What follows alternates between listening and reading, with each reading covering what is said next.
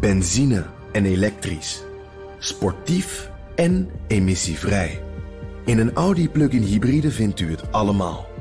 Ervaar de A6, Q5, Q7 en Q8 standaard met quattro vierwielaandrijving. Wat u ook zoekt, u vindt het in een Audi. Audi. Voorsprong door techniek.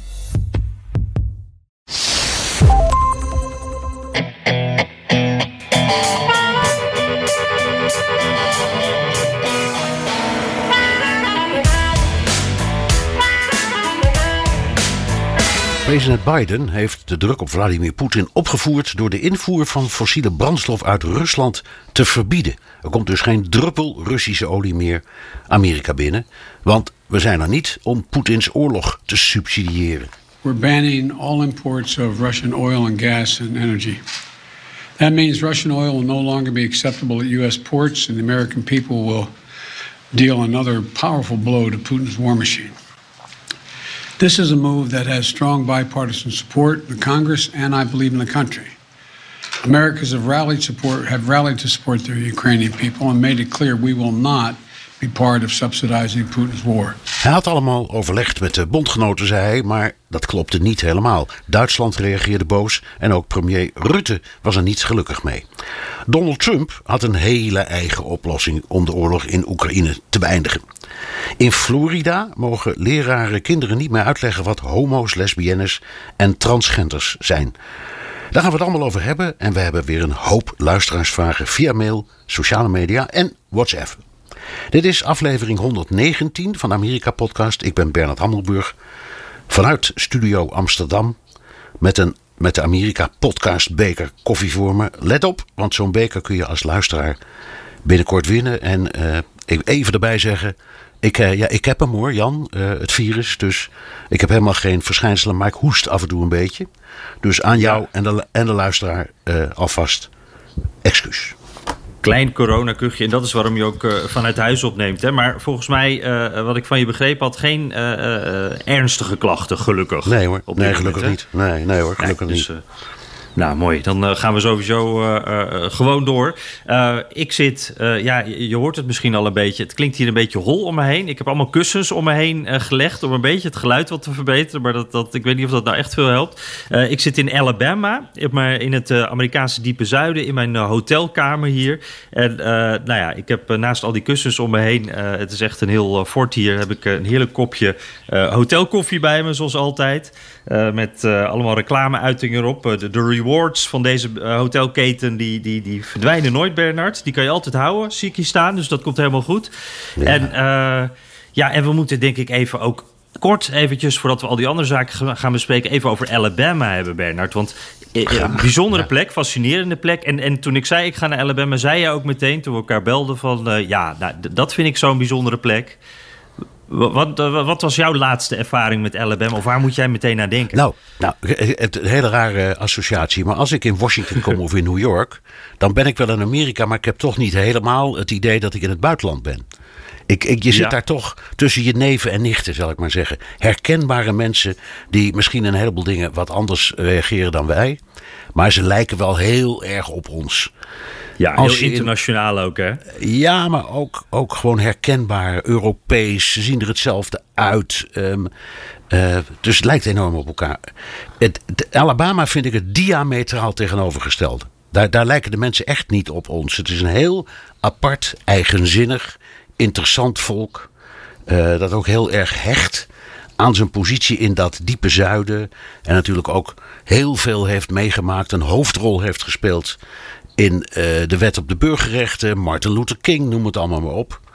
Uh, ja. Dus ja, ik, ik heb er wat mee. Ik vind het bovendien ook mooi.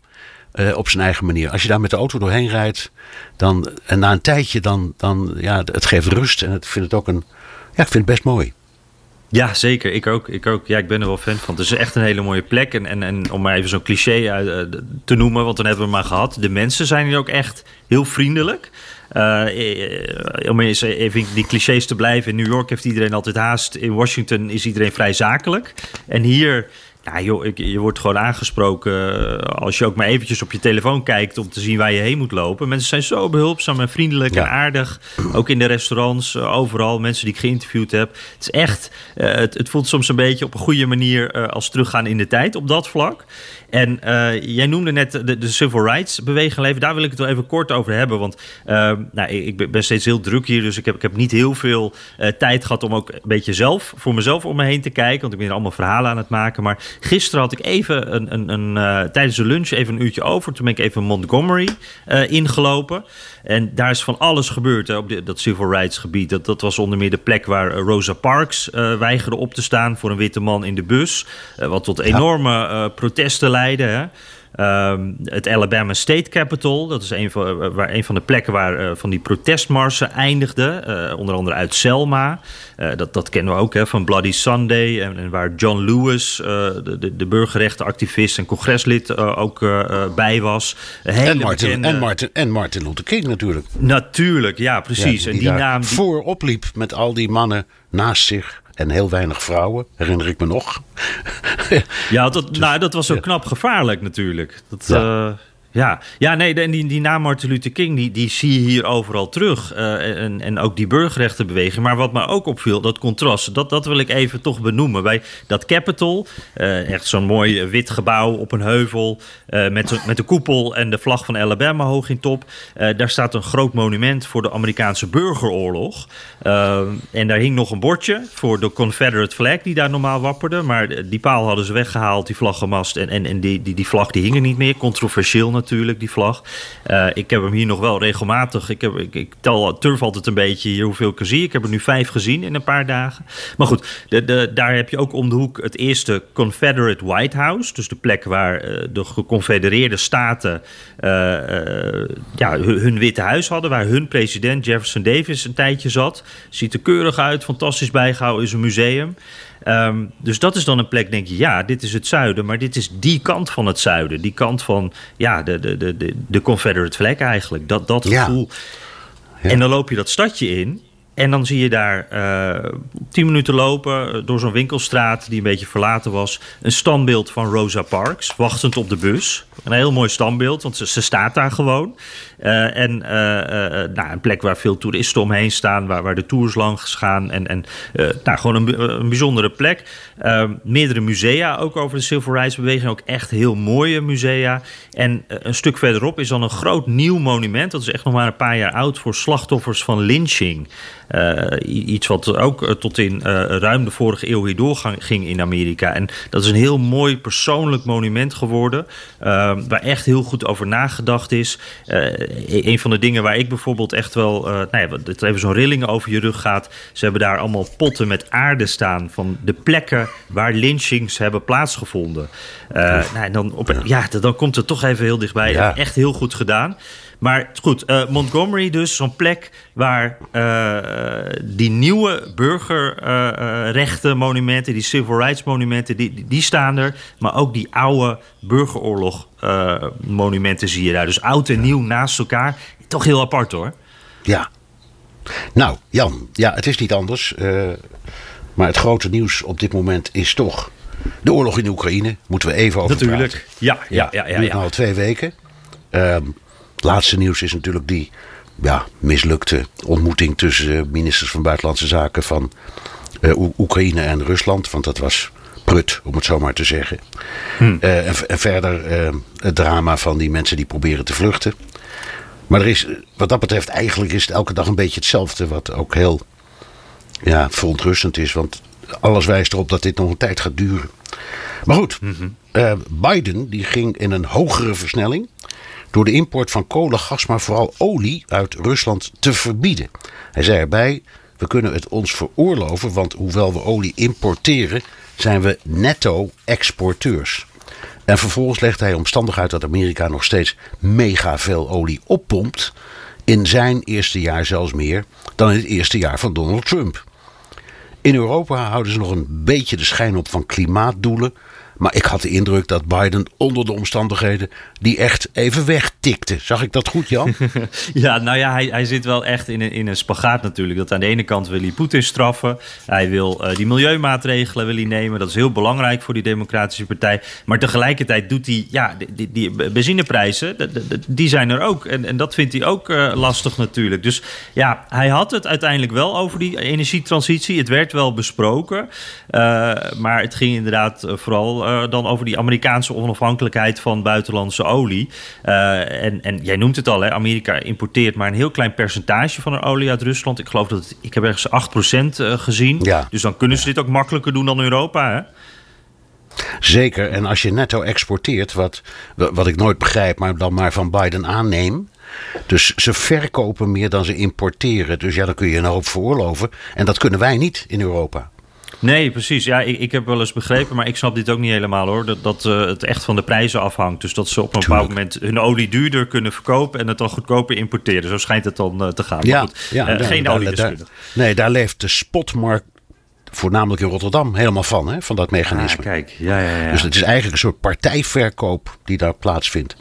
Ja, ja. Nou ja, en, en uh, de, de, die benzineprijs nog even, daar neemt hij echt uh, een gok mee. Want dit is natuurlijk een verkiezingsjaar. Uh, mensen gaan, zijn al maanden, gaan de komende maanden nadenken over hoe goed gaat het met ons? Gaat het met ons beter dan voordat Biden kwam? En als je dan heel veel moet uitgeven aan de pomp voor Amerikaanse begrippen, ja, dan telt dat mee. Daar worden mensen chagrijnig van. En Biden krijgt er, dat gebeurt heel hard op Fox News en heel veel. En Republikeinen doen dat natuurlijk heel makkelijk, geven Biden daar de schuld van. Maar uh, consumenten die denken ook wel van... wacht eventjes, ik ben nu aan het betalen voor iets wat heel ver weg is. Wat moet ik ermee? En uh, ik, Bernard, als ik hier om me heen ook kijk... Uh, ik merk zelf, ik zit nu veel in de auto natuurlijk... en dan, je wordt er ook door getriggerd. Je ziet het op het nieuws ochtends, je hoort het op de autoradio... het gaat de hele tijd over de benzineprijzen. En ja, dan ga je er zelf ook nog meer op letten. Dus als ik dan sta te tanken... Ik kon deze keer voor 4,9 dollar, uh, wat heel veel per, is. Per gallon? Per, per, per gallon? gallon? Ja. Nou, in New, York, in New York is hij al meer dan 7 dollar. Ja, ja, nee, precies, precies. Ja. ja nee, en dus, hier heb ik het ook al hoger gezien. Maar, maar dan praat, ja, dat, praat je dus over 1 dollar per liter, hè? Dus ik zou als uh, goede Hollander zeggen, waar mag ik tekenen? Ja, precies, precies. Dat is altijd ja. de kanttekening. Ja. ja, nee, dat is helemaal waar. Maar hier, ja, mensen hoeven er normaal niet zo over na te denken. En nu wel. En, en in Californië is het ook, uh, net als in New York, veel hoger. Maar ik merk echt om me heen, want ik vraag dan wel eens even uh, iemand die naast me staat te tanken. Van ja, die staan te zuchten en te kreunen. En uh, ik kreeg van de verhuurder een hele mooie Jeep mee. In plaats van mijn uh, veel goedkopere economische keuze. Die ook wat minder benzine had genomen. Dus ik, ik, voel nu ook wel wat met ze mee, Bernard. Want het kost wel ja. echt veel meer dan ja. normaal. Nou, ik zou je vertellen, ik heb dus in New York ook een auto, ik zal het merk niet noemen, maar dat is nog met zo'n ouderwetse, hele grote turbo, zescilinder monstermotor ah. erin. En uh, ja, dat is nou helemaal zo, die hebben we al heel lang. Maar uh, ja, daar moet ik ook over gaan nadenken. Ja, ja, ja. ja, ja. Alleen, Toch iets ik, elektrisch, Bernard? Ja, maar dat, ik wist dat je het zou zeggen. Maar kom maar, eens bij mij, kom maar eens bij mij een stukje meewandelen om laadpalen te vinden. Ja, ja, ja. Die zijn er ja, bijna niet. Hey, nee, maar, precies. Maar hoe dan ook, die, die Amerikanen die, die uh, mopperen. En misschien ook mopperen op Biden, want het gebeurt tenslotte onder zijn wacht. Die hebben natuurlijk ook een punt. Um, en um, er waren ook, dat zijn begin al, knorrige reacties uit Europa, ook Nederland. Want Biden heeft makkelijk praten. Oekraïne is geen buurland, wel van ons. Uh, als je bijvoorbeeld praat over opvang in de regio van vluchtelingen. Nou, wij zijn de regio. Ik noem maar wat. Mm. Hè. Uh, en als Rusland Nord Stream 1 uitzet, en daar heeft Poetin al een paar keer mee gedreigd. dan heeft Amerika daar nauwelijks last van. En wij wel. Ja. ja, en hier denken ze in Amerika dan heel makkelijk van... ja, eigen schuld, dikke bult. Dan had je maar niet zo afhankelijk moeten maken van die Russen. Dus uh, ons probleem niet. Dat, dat is dan een beetje het gevoel erbij. Maar dat is makkelijk praten als je zelf natuurlijk uh, zoveel olie uh, kan produceren. Denk, denk jij trouwens dat, een beetje glazen bol... maar dat Poetin dat ook echt zou doen? Want uiteindelijk... Nee, nee, nee nou hij ja, heeft dat geld zeggen, ook gewoon dat, nodig. Ja, nou, hij heeft vandaag een door live uitgezonden kabinetsberaad gehad. Ook, ook zoiets aparts, maar goed. Ja. Um, en een van de opmerkingen was dat hij niet van plan was te rommelen aan de gascontracten. Uh, en dat is altijd zijn standpunt geweest. Maar ja, je weet het nooit zeker, Jan. Nee. En, uh, en die enorme, de, de, de benzineprijs stond geloof ik vandaag, het is nu donderdag, einde middag als we dit opnemen. De benzineprijs stond, ik geloof, op 1,50 euro per liter. In, uh, Ja. 2,50 euro per liter. Ja, ja, Dat is echt geld. Ja, het, Ja. het zwarte goud. Hè? Ja, zeker, zeker. Ja, ja, maar goed, tegelijkertijd denk ik ook, wij maken hier ons druk om. eh, en terecht natuurlijk. Eh, maar ik, ik zou me, als ik Poetin was, ook wel een beetje zorgen maken. Want eh, het ene na het andere grote Amerikaanse bedrijf gaat daar weg. Sowieso de grote multinationals, Unilever, McDonald's, Coca-Cola, Pepsi. Ik heb Apple gehoord, andere techbedrijven. Het, het is echt één grote uittocht uit Rusla- Rusland. hoor. Ik zie af en toe op, op sociale media ook wat van die plaatjes uit Rusland voorbij komen. Van, eh, op TikTok van Russische jongeren die dan eh, voor, allemaal lege winkelpuien staan, allemaal dicht. En eh, dan hoor ik steeds, ja, Poetin laat zich hier niet door intimideren. Nou, dat geloof ik wel. Maar dan denk ik, ja, die Russen, die Russische consument, die, die balen hiervan. Dit, ga je wel voelen natuurlijk. Ja, het, het, meest opmerkelijk, want jij noemt een trits, vind ik Pepsi. Want die zat er volgens mij al in de Sovjet-tijd. Dat was een van de eerste van dat soort bedrijven die naar, eh, nou ja, wat nu Rusland heet, trok. Ehm, eh, kijk, ik, ik denk dat het uiteindelijk wel ehm, iets teweeg brengt. Maar je moet ook wel heel goed opletten over wie je praat. Het is natuurlijk. Dit zijn, kijk, al die, die, die artikelen die jij noemt, dat geldt ook voor McDonald's, want het is tamelijk duur in Rusland. En ook voor ehm, eh, eh, sportschoenen en al, al dat soort dingen, die zijn ook allemaal weg. Dus dat wordt voor de consument heel lastig. Maar je, je, kunt, je kunt ze ook zeggen, ja, chique modemerken en chique dingen en zo, daar, kun- daar kunnen we wel buiten. Maar voedingsmiddelen, zoals van Unilever, die zijn wel essentieel. Ehm, maar ja, ik had ook, je hebt het ongetwijfeld ook gelezen, het commentaar van Thomas Friedman, buitenlandcommentator van de New York Times. Ehm, die schreef dat Rusland alleen overstag gaat als China zich bij de westerse strategie zou aansluiten. Ehm, want tot nu toe is natuurlijk ook de redenering, ja, die relatie met Europa is totaal verstoord. Dus ook, ook in, in de zin van handel ehm, en misschien ook in de zin van fossiele brandstof. Maar dat hebben, met China is, daar hebben ze helemaal geen last van. Dat, dat, dat compenseert niet helemaal voor wat er naar Europa gaat. Maar toch wel wat. Dat, dat, hè, daar loopt een, ik geloof een oliepijpleiding van meer dan 4000 kilometer naar eh, eh, China. Er is een gaspijpleiding van nog langer. Die loopt helemaal over de, eh, door Siberië heen. En net zoals Nord Stream 1 en Nord Stream 2 wordt daar op dit moment een tweede naast gebouwd. Dus, dus, dus er is een grote markt voor Russisch gas en olie daar. Ehm, maar ja, het, het, ik, ik, Friedman heeft toch een punt. Hè. Ehm, je hebt eigenlijk, om zo'n land op de knieën te dwingen, heb je het grote en machtige China nodig. Anders gaat het niet lukken. En, en die doen wel iets. Hè. Eh, ze hebben in de Veiligheidsraad en in de Algemene Vergadering van de Verenigde Naties zich van stemming onthouden bij een eh, resolutie waarin eh, Rusland werd, werd veroordeeld. Ehm, ze, ze leveren hulp aan Oekraïne. Ze hebben zelf ook gezegd dat ze best zich zouden willen inspannen voor een oplossing. Maar ze zeggen ook dat ze het inhoudelijk volkomen eens zijn met Poetin. En dat ook zij zich niet willen laten intimideren door die verschrikkelijke NAVO. Dus ja, ik weet niet of Friedmans wens wordt vervuld, zou ik maar zeggen. Ja, ja, ja, ja, interessant. Zou, zou dit dan ook iets. Is dit dan zo'n moment dat Rusland zich eh, voor langere tijd meer op China gaat richten? Of is dat nu allemaal nog wat te vroeg om te zeggen? Of is het Nou. allemaal maar tijdelijk? Wat denk jij? Nou ja, ik, ik- dus dat doen ze al. Ja. Ik denk dat het antwoord ja is. Maar het is wel duidelijk dat Xi Jinping. Die, eh, die, die, nogmaals, die steunt de Russen echt, in, ook in principiële zin. Maar hij, dat, dat binnenvallen van een ander land, dat vindt hij maar helemaal niks. Ehm, en heel veel mensen zeggen, ja, dat is hij zelf ook van plan met Taiwan. Maar dat is een andere kwestie. Ehm, dus ik denk niet dat je die twee kunt vergelijken. Maar in geval dit gedonder, zo midden in Europa, dat vindt hij onprettig. Al is het alleen maar omdat eh, door, het, loopt allemaal, die, die, die, die zijderoute van hem, die loopt voor een deel dwars door dat gebied heen. Dus, Ja, dus China heeft er gewoon last van. Ja, ja, ja, Hey, en nog even iets anders, hè, met, met dat wel weer uh, met dit alles te maken heeft, zoals alles met elkaar verbonden is. Uh, nieuwssite uh, Axios. Die, die, schrijft deze week dat Biden bezig is om andere grote olieproducerende landen onder druk te zetten. Om, om die oliekraan verder open te zetten. En daar wordt het een beetje lastig voor Biden ook. Want hij is van plan, wordt dus door Axios gezegd, om dit voorjaar naar, ook naar Saudi-Arabië te reizen. Nou ja, dat is natuurlijk, als je olie nodig hebt, dan is dat een handige plek om heen te gaan. Maar ook wel hypocriet. Want na de moord op Khashoggi heeft die journalist hè, van de Washington Post, die verdween. Toen heeft Biden is daar steeds heel hard over, over geweest. Heeft terecht ook daar hard over geoordeeld. En heeft ook kritiek gehad op Trump. Want Biden zei van ja, Trump die is daar eigenlijk veel te laks mee geweest. Die, die, die, die probeert juist een beetje de banden aan te halen, halen met Saudi-Arabië. Maar dit is iets, dit doen we niet met journalisten. Biden zei dit is een paar jaar dus Saudi-Arabië. En ja, nu gaat hij dus, nou we weten nog niet of hij gaat. Maar nu is hij dus in ieder geval, er wordt een signaal gegeven dat, dat daarmee gesproken wordt en dat hij die kant op zou willen gaan. En nog gekker, waarvan echt ik even met mijn oren flapperde en ik denk heel veel Amerikanen ook. Er is ook een Amerikaanse delegatie in Venezuela. Um, dat uh, staat al uh, nou, een aantal jaren, zullen we zeggen, in de top 5 van Amerikaanse vijanden.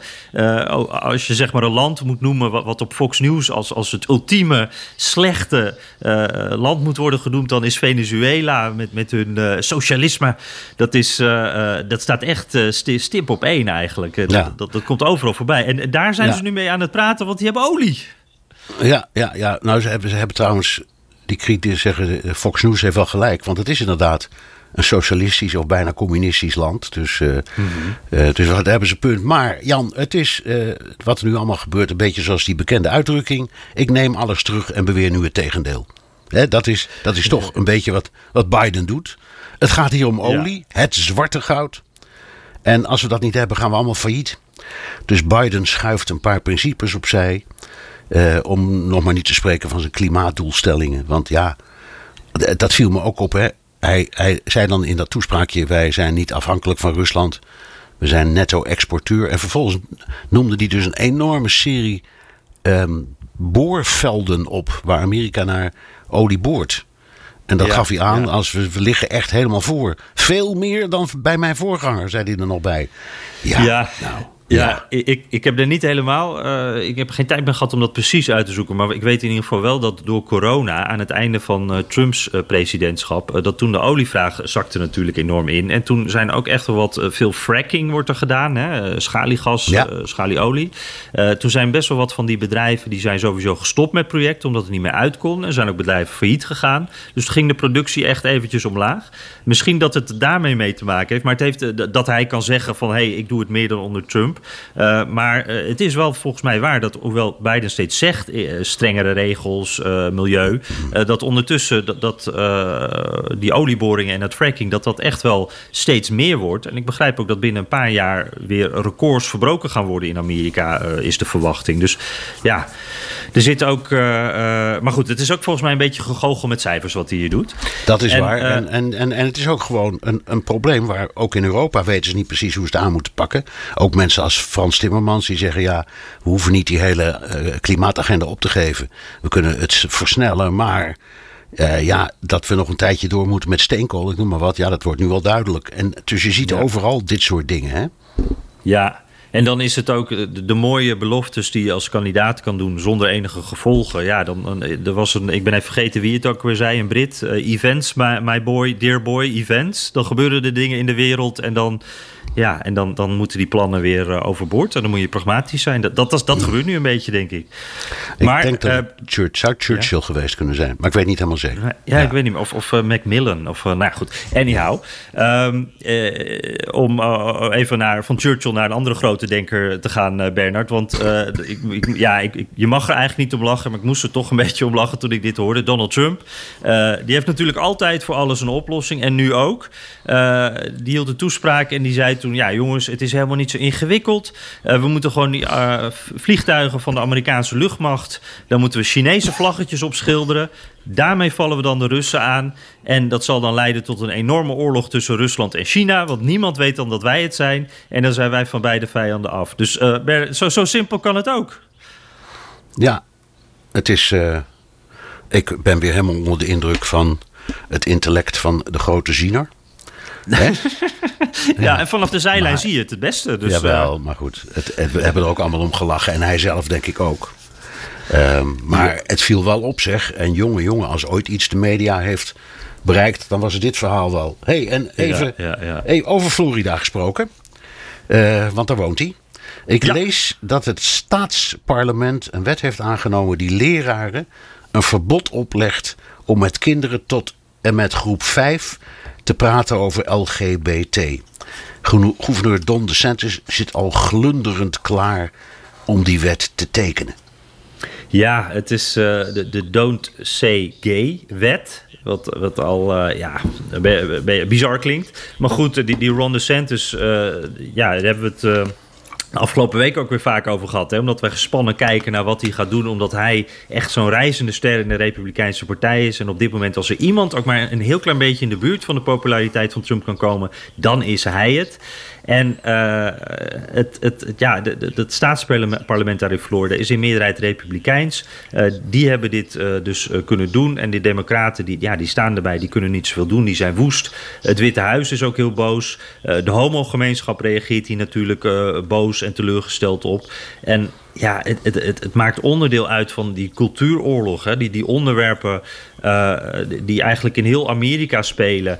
Uh, waar mensen echt gigantisch boos over kunnen worden. En, en uh, um, lappen rood vlees zijn het. En, en um, ja. Ik, heb dan altijd het gevoel, maar ik kijk je natuurlijk als Nederlander naar. Van dat, ik vind dat raar, want het, het is uiteindelijk wat is het, het probleem? Hè? Zijn we niet ruimdenkend genoeg om het over deze onderwerpen te hebben? En ik snap wel dat dat niet topprioriteit hoeft te hebben bij kinderen tot uh, groep 5, als het geloof ik. Maar hoeveel wordt er nou over LGBT-onderwerpen uh, gepraat in die klassen?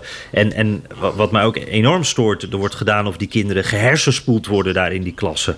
Ja, dat is natuurlijk ook niet zo. Het, het, het, uh, Nee. het wordt enorm, um, uh, de, enorm de, ja, hoe zeg je dat? De turbo wordt erop gezet. Het wordt meteen, meteen enorm op de spits gedreven. En, en het is uh, het ergste van het ergste. En ik denk dan van, ja, waar, waar, waar zijn jullie eigenlijk mee bezig? Er zijn toch veel belangrijkere dingen. En, en bovendien zijn we toch als wereld, dacht ik, in ieder geval als Amerika, al een stuk verder als het gaat om die ja. acceptatie. Dat, ja, we zijn echt wel een stukje opgeschoven, toch? Allemaal. Ja, precies. Ja. Ja, ja. En je ziet ook onder jongeren, wel, wel wat ouder dan deze. Dan deze kinderen uh, waar het nu over gaat, maar ook onder republikeinse jongeren, dat dit onderwerp echt niet meer uh, dat, dat keiharde constructieve onderwerp is uh, van wij zijn tegen homo's, wij zijn tegen lesbiennes. Daar verandert echt wat. Dus op dat punt viel me dit ja. ook alweer op. Ja. Maar wat is nou de juridische grondslag, Jan? Want je hebt persoonlijke vrijheden, die gelden ook voor kinderen. En ehm, ja, daar, volgens mij gaat dat ook over dingen als de keuze van boeken die je, die je leest. Ja, en, en dat is dan, dan, wel weer een interessant punt. Want ja, die, die, die indieners zeggen dan, of, of de makers van deze wet, die zeggen: ja, dat is niet zo. Die, die, die zeggen die, die kwesties als seks, uh, seksuele geaardheid, ras ook. Hè, dat racial uh, of uh, critical race theory gaat het dan over. ook zo'n ehm, culture war onderwerp. Uh, die horen door de ouders te worden beoordeeld. Die gaan erover, want die kinderen kunnen dat nog niet. Nou, dat snap ik wel. En zij maken zelf uit wat ze hun kinderen willen vertellen.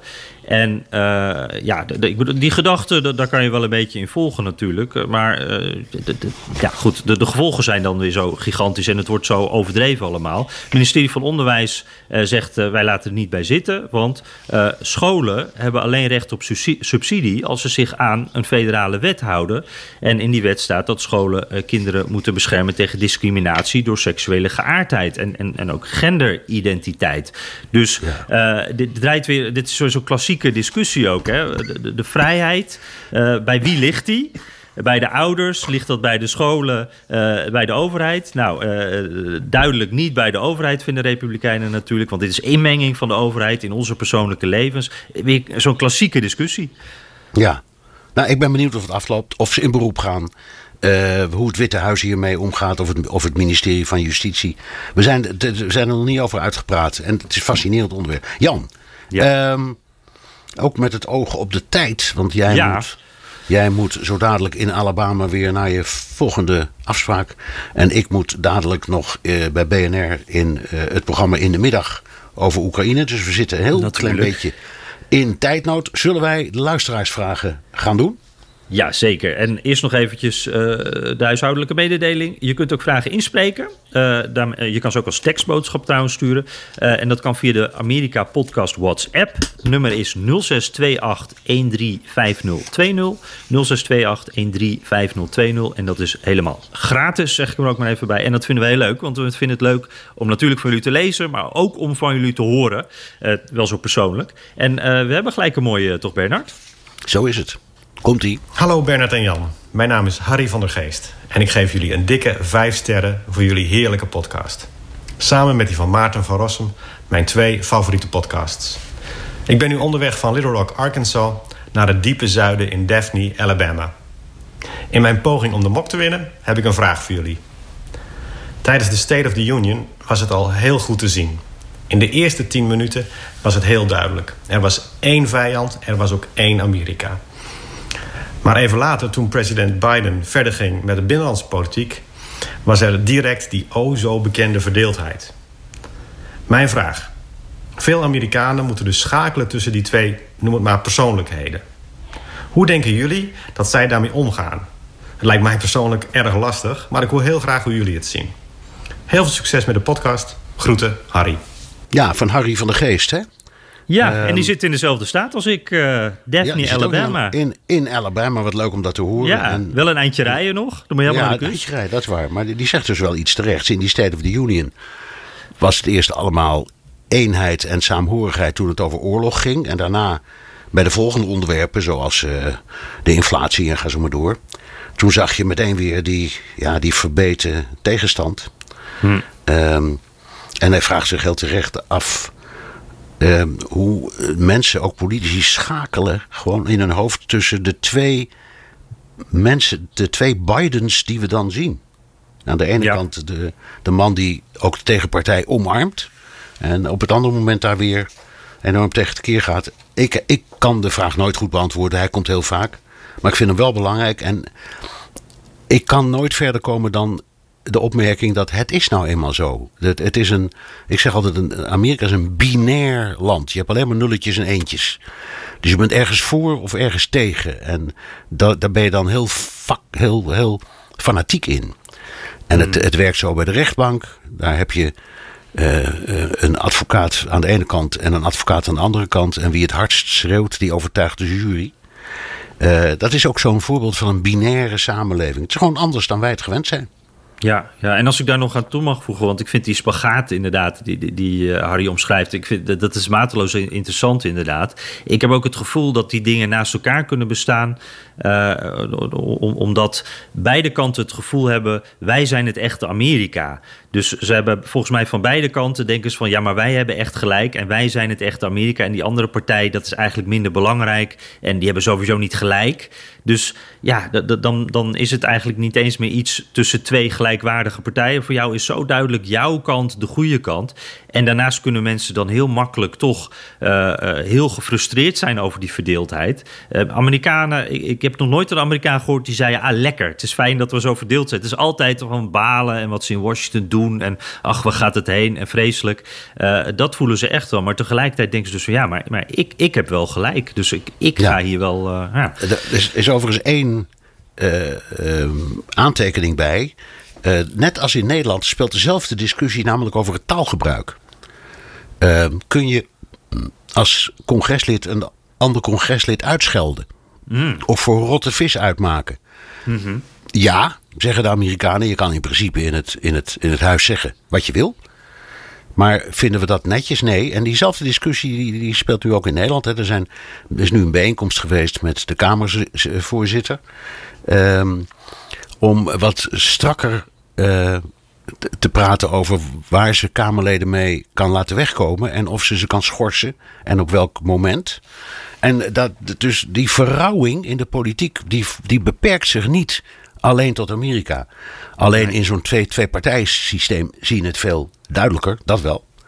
Ja. Maar, eh, maar toch, het is misschien een beetje een algemeen probleem. Ehm, Ja, en weet je, ja. wat mij ook wel opvalt, eh, v- want die verruwing die, die lijkt erg op elkaar in, in, de- in, in, in, in, de in de parlementaire wereld aan beide kanten. En, en wat mij ook wel opvalt, dat bepaalde woorden eh, en omschrijvingen die ik hier dan eerst in Amerika in, eh, in, in het congres zie, dat ik die dan later weer eh, in, eh, in Nederland terug hoor komen. Dat, eh, eh, over, als het over tribunalen gaat bijvoorbeeld, toen ik dat in Nederland hoorde, dacht ik, oh wacht eventjes, dit, dit, dit is precies wat ik eh, hier in eh, eh, de VS ook wel eens in bepaalde kringen hoor. Dus ik heb ook het idee dat eh, bepaalde Nederlandse politici erg geïnspireerd zijn door eh, bepaalde politici hier. Maar dat is misschien dat is ook iets van alle tijden waarschijnlijk. nou, dat, dat, dat is ook zo. Ja, dat klopt. Ja. Hey, zullen we eens even kijken naar eh, Senne? Eh, de vraag eh, 18 jaar, luistert al enige tijd naar onze podcast, vindt het fantastisch. Nou, mooi, gefascineerd door de VS, maar nog meer gefascineerd door Zweden. En daar gaat de vraag over. Er zijn ruim 1 miljoen Amerikanen met een Zweedse achtergrond. Waarom verhuisden veel Zweden naar de VS? En waar wonen de meeste afstammelingen van de Zweedse immigranten? Heel erg bedankt en ga zo door. Ja. ja, het, het is een beetje eind eh, eh, 19e eeuw volgens mij, toch? Dat die Zweden allemaal eh richting Ja, volgens mij, was, volgens mij was het allemaal in dezelfde periode als bijvoorbeeld ook de Nederlanders. Dus rond acht- 1860, 1865, in de tijd van Lincoln. Ehm, en toen kwamen er uit heel veel landen mensen, eh, meestal om religieuze redenen. Die vonden dat ze religieus niet volledig vrij waren. Of hingen een vorm van, eh, laten we zeggen, het protestantisme aan. Dat dan door zo'n land niet werd geaccepteerd. Nu weet ik het niet precies van Zweden. Maar, eh, Ja, daar speelde in- dat ook volgens mij. Ja, in Nederland heeft dat enorm gespeeld. En bij mijn weten zijn ze allemaal terechtgekomen in de noordelijke staten. Hè? Michigan en eh, Wisconsin. op de een of andere manier. En ook wel in het Middenwesten, in Iowa en dat soort staten. Ja, dat, dat valt mij wel op. Dat, ik, ik kan me herinneren, ik weet niet meer of het nou Portland of, of Washington State was, maar daar zag ik ook veel Zweedse invloeden. En volgens mij zijn veel toch eh, echt, eh, Ja. die hebben de, de leegte opgezocht en, en die, Ja. die zijn meer richting het westen vertrokken. Dat klopt. En je doet het nou. En ik denk plotseling aan Seattle. Want dat is volgens mij, daar wonen ontzettend, ik weet het niet specifiek Zweeds, maar er wonen heel veel Scandinaviërs. Ja? En misschien heeft, heeft het te maken met een mooie stad, om te beginnen. Ja. Het heeft misschien ook iets te maken met een herkenbaar klimaat. Want het is, het klimaat lijkt enorm op eh, wat we in Nederland hebben. Eh, te- terwijl het niet zo ver ten noorden ligt van, laten we zeggen, Californië en Oregon. Maar het heeft een, een gematigd klimaat. Het is, en ik geloof dat Seattle een van de weinige steden in Amerika is waar niemand een airconditioner heeft. Nou, dat is Ja, goed voor het dat- milieu. Ja. Dat is goed, goed voor het milieu, ja, precies. Nou, ja. Ja. Ja, en qua landschap ook wel een beetje. Die bossen daar. En, en ook als je wat meer richting het noorden naar Canada gaat. Nou, ja, dat hele gebied eigenlijk. Het is fantastisch mooi. En eh, ja. ik denk inderdaad, nu je het ook zo zegt, dat dat in Seattle of in die omgeving is geweest waar ik dat dan gezien heb. Dat is volgens mij ook een museum. Of eh, Ja. nou ja, de- dat soort dingen. Het is in ieder geval erg leuk om ook eens te bekijken. Zeker als je dus inderdaad Amerika-fan en ook eh, Zweden-fan bent. Want daar komen die dingen wel heel mooi samen. Ehm, ja, hey, en we hadden nog een mooi, eh, mooie luisteraarsvraag eh, op band staan volgens mij. Dag Bernard en Jan. Hierbij mijn bijdrage voor de ingesproken luisteraarsvraag. Het is wel een beetje onwennig, maar goed, het is op verzoek van jullie. Eh dit geval is het ook geen luisteraarsvraag, maar meer een suggestie. In aflevering 118 vroegen jullie tegen het einde van de aflevering hardop af of Wesley nog wel wakker was. En toen bedacht ik me eigenlijk dat er best wel een mogelijkheid is om twee vliegen in één klap te slaan. Eh, en dat is namelijk het volgende. Wat ik als luisteraar erg prettig vind, is dat jullie regelmatig de aflevering starten met een authentiek fragment. En dat spelen jullie dan af om vervolgens direct dieper in de materie te kunnen duiken. Voor de luisteraar is het eh, prettig en ik denk dat jullie het ook een eh, fijne start vinden. En ik vroeg me dan zelf af, waarom zou je dat niet nog een keer vaker doen in de uitzending? Op die manier heb je Wesley ook nog een tweede keer aan de knoppen. Ehm, en het is misschien voor de luisteraar ook nog wel een fijne afwisseling. Nou, dat was mijn eh, suggestie. Doe ermee wat je wilt. Verder, ga lekker zo door. Groetjes. Ja, Jan. Eh, het is ontzettend leuk dat ze het over Wesley hebben. Ja, Ehm, ja, ja, ja. ja. Volgens mij is eh, deze week Jury de, de technicus. Eh, maar goed, het zijn allebei onze trouwe vrienden en heel erg betrokken bij eh, de podcast. Dus het was een leuk Zeker. Maar Zonder ik vind ook jam, jammer dat het anoniem is. Want ik zou graag willen, een antwoordje willen sturen of wat dan ook. maar hij heeft wel een punt. wij Ja. gebruiken inderdaad een audiofragment aan het begin. En soms nog wel eens een audiofragment, maar niet te veel. En hij heeft gelijk. Wij maken radio, of in afval een aan radio gerelateerd programma. Dus misschien moeten we daar toch eh, wat vlijtiger in zijn. Het is ook een enorme hoop werk hoor, elke keer. En, Ja. en, het, en, en het zit meestal bij jou, want ik ben er niet zo handig in. Dus daar moet ik ook nog eerlijk in zijn. Ja, en, en Ehm. wij hebben, als ik even aan mag haken, dat het is inderdaad echt een goed punt. En, en dit is ook, elke radiomaker zal dit ook zeggen: van doe dat Ja. meer, dat is voor mooi. En dat doen, zouden we ook graag doen. Het is vaak een beetje een praktische kwestie, omdat we gewoon allebei erg druk zijn. En eh, nou ja, zoals nu ook, dan eh, moet het even tussen de bedrijven door. En dan, eh, dan, is, dan kan het soms eventjes, dan heb je net niet de tijd om nog even twee, drie quotejes erbij te zoeken. Maar het is wel zeker, het is altijd leuk om even Biden of Trump of, of de Amerikaanse televisie, om dat zelf te horen. eh, om eh, zelf te horen hoe dat nou gebeurd is, hoe het gezegd is. Want daar zit altijd wat extra's in. Hè? Ja, het is ook zo. En eerlijk gezegd, nou, dat is wel zo. We hebben natuurlijk door dat eh, luisteraars zoals deze ehm, eh, boodschappen kunnen inspreken, ook wel het geluid van luisteraars. Ja. Dat, is een enorm, Ja. dat is een enorme winst en daarmee wordt het hopelijk ook levendiger. Ja, zeker. Want dat was ook een reden waarom we dat graag wilden. Dus ook heel erg bedankt hiervoor dat je deze eh vragen op deze manier hebt ingestuurd. Want dat, eh, nou, dat helpt ook weer mee. En eh, we gaan er, ja, gaan er weer eventjes extra op letten. En we gaan het weer even wat meer proberen te doen. Wat meer geluid te laten horen. als de tijd, de klok dat ook toelaat. hey, even kijken. Dit was volgens mij Storm. Die had een vraag. die had op TikTok, dat sociale medium, gezien over presidenten die ook andere talen spreken. En toen zag ik dat er een Nederlands sprekende president was, Martin van Buren, 1837 tot 1841. Kunnen jullie daar iets over vertellen? Lijkt me eh, eh, leuk. Waren er bijvoorbeeld nog meer presidenten die Nederlands spraken of connecties hadden met Nederland? Zo. Ja, Ja. Martin van Buren was, eh, kwam, was het kind van Nederlandse ouders. En zijn vrouw ook. Dus die spraken thuis Nederlands. Dat is waar.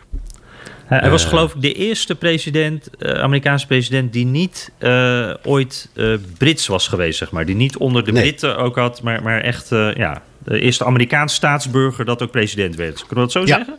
Ja, Ja. dat klopt wel. Ja. En eh, ja, het is maar één termijn geweest. Dus ja, je kunt de vraag stellen hoe populair die was. Maar goed, eh, hij heeft in het algemeen... eh, Kinderdijk heet het, geloof ik, dat plaatsje waar die woonde. Kinderhoek volgens mij. Kinderhoek. Kinderhoek, kan ook, Ja. kan ook. Maar het is, een, het is een plaatsje in Amerika en daar was hij opgegroeid. En nogmaals, hij had ook een Nederlandse vrouw. eh, dus hij sprak een vreemde taal, niemand kon hem verstaan. en waren er, waar, ja, waren er nog Lastig. meer? Nou, dat is, eh, als je lastige ambtenaren om je heen hebt, is het heerlijk, lijkt me. Ja, Ja. ik snap het niet, sorry. Nee. Nou ja, Nee. hij- je zei al, hij, hij was niet, volgens mij wordt niet gezien als een succesvolle president. Maar Nee. eh, als we het hebben over iemand die wel altijd bovenaan die lijstje staat. eh, en eigenlijk zijn het er twee natuurlijk, de Roosevelts. De Roosevelts, Teddy en Franklin, die kwamen van Nederlandse voorouders. Eh, Ja, Zeeland vandaar- geloof ik, toch? Zeeland, vandaar, ja, vandaar ook dat je de Four Freedoms Award hebt. ehm, ingesteld door de Roosevelts. Ehm, en die gaat dan, hè, dat gaat dan over ehm, belangrijke plekken in, in het, de strijd voor vrede, zal ik maar zeggen. Eh, en één daarvan is eh, Zeeland. Dus één keer in de zoveel jaar is daar een grote ceremonie. Eh, of voor die vier Four Freedoms Award. En dat komt allemaal door Roosevelts. Verder weet ik eerlijk gezegd niet of er nog andere presidenten wa- waren die Nederlands spraken of connecties hadden. Ik heb het destijds gevraagd, die, die heb ik ooit geïnterviewd aan Gerald Ford. Want die, die vertegenwoordigde ook zo'n heel Nederlands gebied. Oh, natuurlijk, in, Michigan. In, in Michigan. En eh, die was dus heel dik met gro- on-Nederlandse ondernemers. Ja. En het, het klinkt heel stom van me, maar ik heb hem toen de vraag gesteld of hij zelf ook eh, een druppeltje bloed had. Maar ik weet niet meer wat hij zei. Dus ik mag aannemen Oh. dat dat niet zo was. Ehm, maar goed, ja. Ja, nee, en dat is verder, ik, ik moet er aan denken eh, eh, bij, van Franklin Delano Roosevelt. Dan kan je naar eh, zijn huis. Hè? Eh, dat is eh, in New York State. Het is echt een superleuk eh, museum is dat. Het is ook waar hij aan, is. aan, aan de Hudsonrivier. Ja, Ja. precies. Dus echt een aanrader, Hyde Park. En eh, daar staat ook binnen, eh, de originele inrichting is daar nog... eh, er staat een, een Nederlandse eh, klok. Zo'n, eh, hoe noemt zo'n een, een staartklok? Zo, zo'n, Ja, eh, staartklok. Ja. Ja, dus dat, eh, dat vond ik wel grappig. Kleine Nederlandse touch. Maar moet jij toch weten, je komt uit Friesland, man. Jij Ja, precies. staartklok ja. Ja, ja, ja, ja. Nee, inderdaad. Dus dat, en hij heeft natuurlijk ook hij heeft een grote rol gespeeld bij de oprichting van de NAF, hè, de Netherlands American Foundation. Dus dat is ook wel, hij was er wel mee begaan met de connectie. Zeker. Dus, leuk. Uh, leuke vraag. Uh, Jurre dan, uh, die zegt... nou, informatieve podcast, vermakelijk en in mijn ogen objectief. luister altijd als ik aan het sporten ben. En dat is in hetzelfde gebouw als BNR in Amsterdam. nou, wij weten dan meteen welke sportschool dat is... want dat zit inderdaad naast elkaar. En hij vraagt zich af... waarom schroeft Biden zelf, zelf niet de olieproductie van de VS op... om het gemis van die Russische olie te compenseren... in plaats van bij Venezuela of Saudi-Arabië aan te kloppen? Ja, goede vraag. Zeker. Um, omdat dat kan, maar het kost tijd. En dat is bij de actualiteit van zo'n oorlog de grootste vijand, als ik het zo mag zeggen, in praktische zin. Want zelfs als Biden zou zeggen, nou, we hebben een, heel we hebben een stel olievelden, die zijn nog niet uitgeput, maar die hebben we destijds laten liggen omdat je te diep moest graven. Hè? Of we hebben die olie platforms in de Golf van Mexico. Daar, daar zit nog veel meer olie onder. Of desnoods de olie uit Alaska. Er zijn allemaal grote kwesties over geweest. Ook met de milieubeweging. Moet je dat wel of moet je dat niet? Er is die pijplijn uit Canada. Die, die wilde Biden dicht. Maar ja, die Keystone XL. Ja, tot grote woede van uh, premier Trudeau. Nou, ja, die zou je over, open kunnen. Maar al die dingen kosten tijd. Maar de vraag is goed. Ik zou zeggen we hebben het al eerder over gehad. Als je zegt we zijn, uh, we zijn niet afhankelijk van buitenlandse olie. Nou man, wat, wat, wat, wat let je? Ja, ja precies. Want op dit moment roept Biden wel dat soort dingen. Maar eh, volgens mij komt het niet over. Want mensen zien die prijzen omhoog gaan en denken van... ja, maar uh, wij, ik hoor de hele tijd dat je inderdaad die Keystone XL-pijplijn niet meer wil. En ik hoor de hele tijd dat je uh, fracken eigenlijk niet goed vindt. ja, dus nou, er moet toch iets meer, denk ik, meer een statement komen. En, en ook qua daden dan in dat geval. Dus goed punt. Ja. Hey, ik had nog een... ja, iets stond geen naam bij. Maar iemand die stuurt bijna een soort uh, gedichtje Bernard de Jan met veldbegeerde mok in hand bespreken neutraal de situatie van elk land in brand. Mannen, gaan zo door. ja. Ja. ja. Nou, maak je bekend man of vrouw. Wie zou ja, dit zijn? Precies. Ja, Ja, geen idee, maar ik vind hem mooi. ik uh, ook. Ja, Jens van Haafden, ook een trouwe luisteraar. Um, heeft de laatste weken ook veel geluisterd naar de nieuwsuitzendingen. En die vraagt ook: Ja, Bernard, kom je nog wel een beetje aan je rust toe? Ja, jij moet zo weer door, hè? Ik moet zo weer door. Het antwoord is na de oorlog.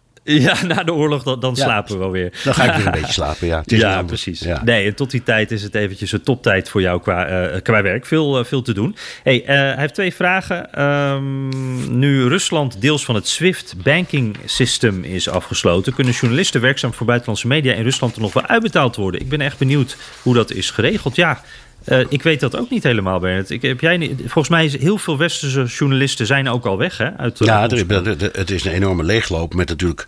Ja, vonden wij dan toch in Nederland de meest tragische... Het verhaal van Dirk Sauer, die, die met zijn hele operatie eigenlijk is gevlucht. Um, ja. En als ik het goed begrijp, kijk, de meeste journalisten, laten we zeggen zo... Ik weet niet hoe jij dat doet... Uh, maar uh, ik kan me voorstellen dat jij je salaris laat betalen op een, op, op een Nederlandse rekening. Noem maar ja, wat. Klopt. Ja. En dat je dan naar behoefte van daaruit geld overmaakt in dollars naar uh, je rekeningen in Washington. Mm -hmm. en ik denk dat het bij heel veel van die buitenlandse journalisten ook zo was.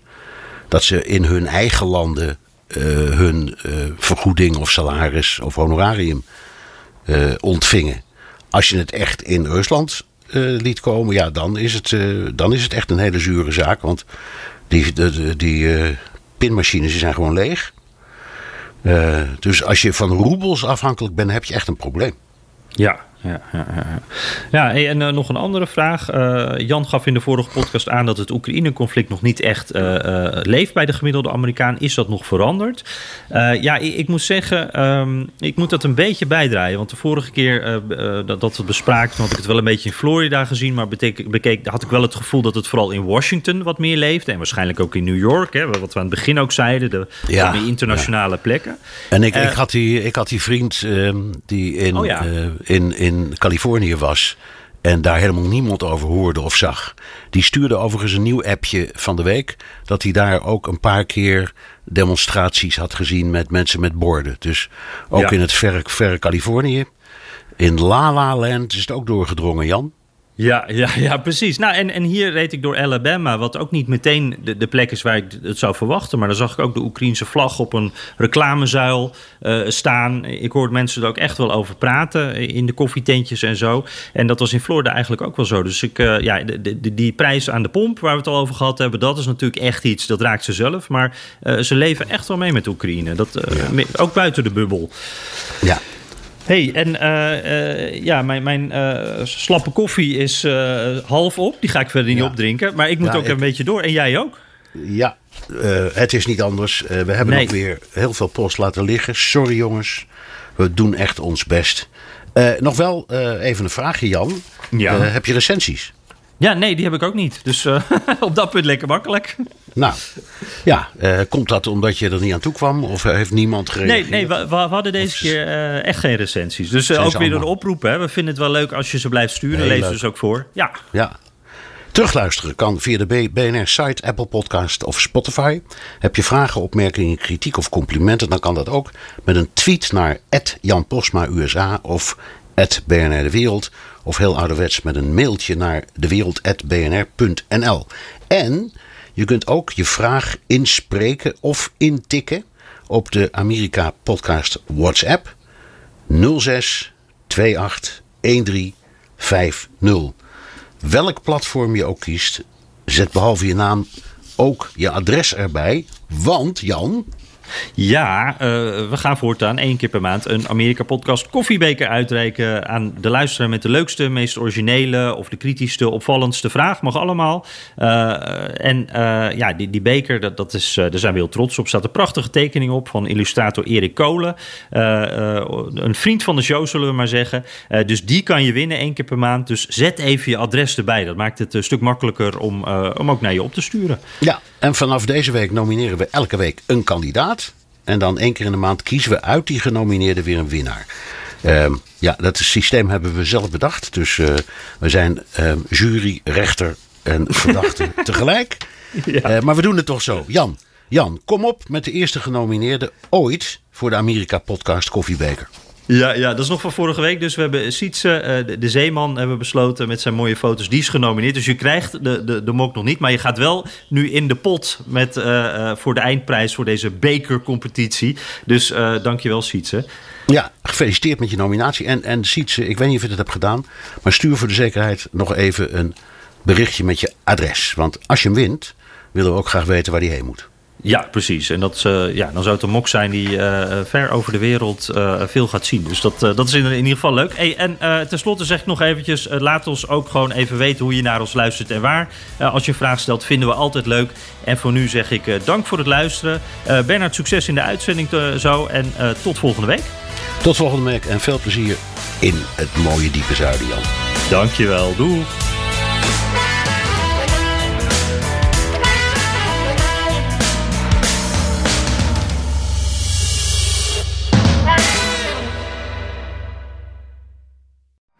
Benzine en elektrisch. Sportief en emissievrij. In een Audi plug-in hybride vindt u het allemaal. Ervaar de A6, Q5, Q7 en Q8 standaard met quattro vierwielaandrijving. Wat u ook zoekt, u vindt het in een Audi. Audi. Voorsprong door techniek.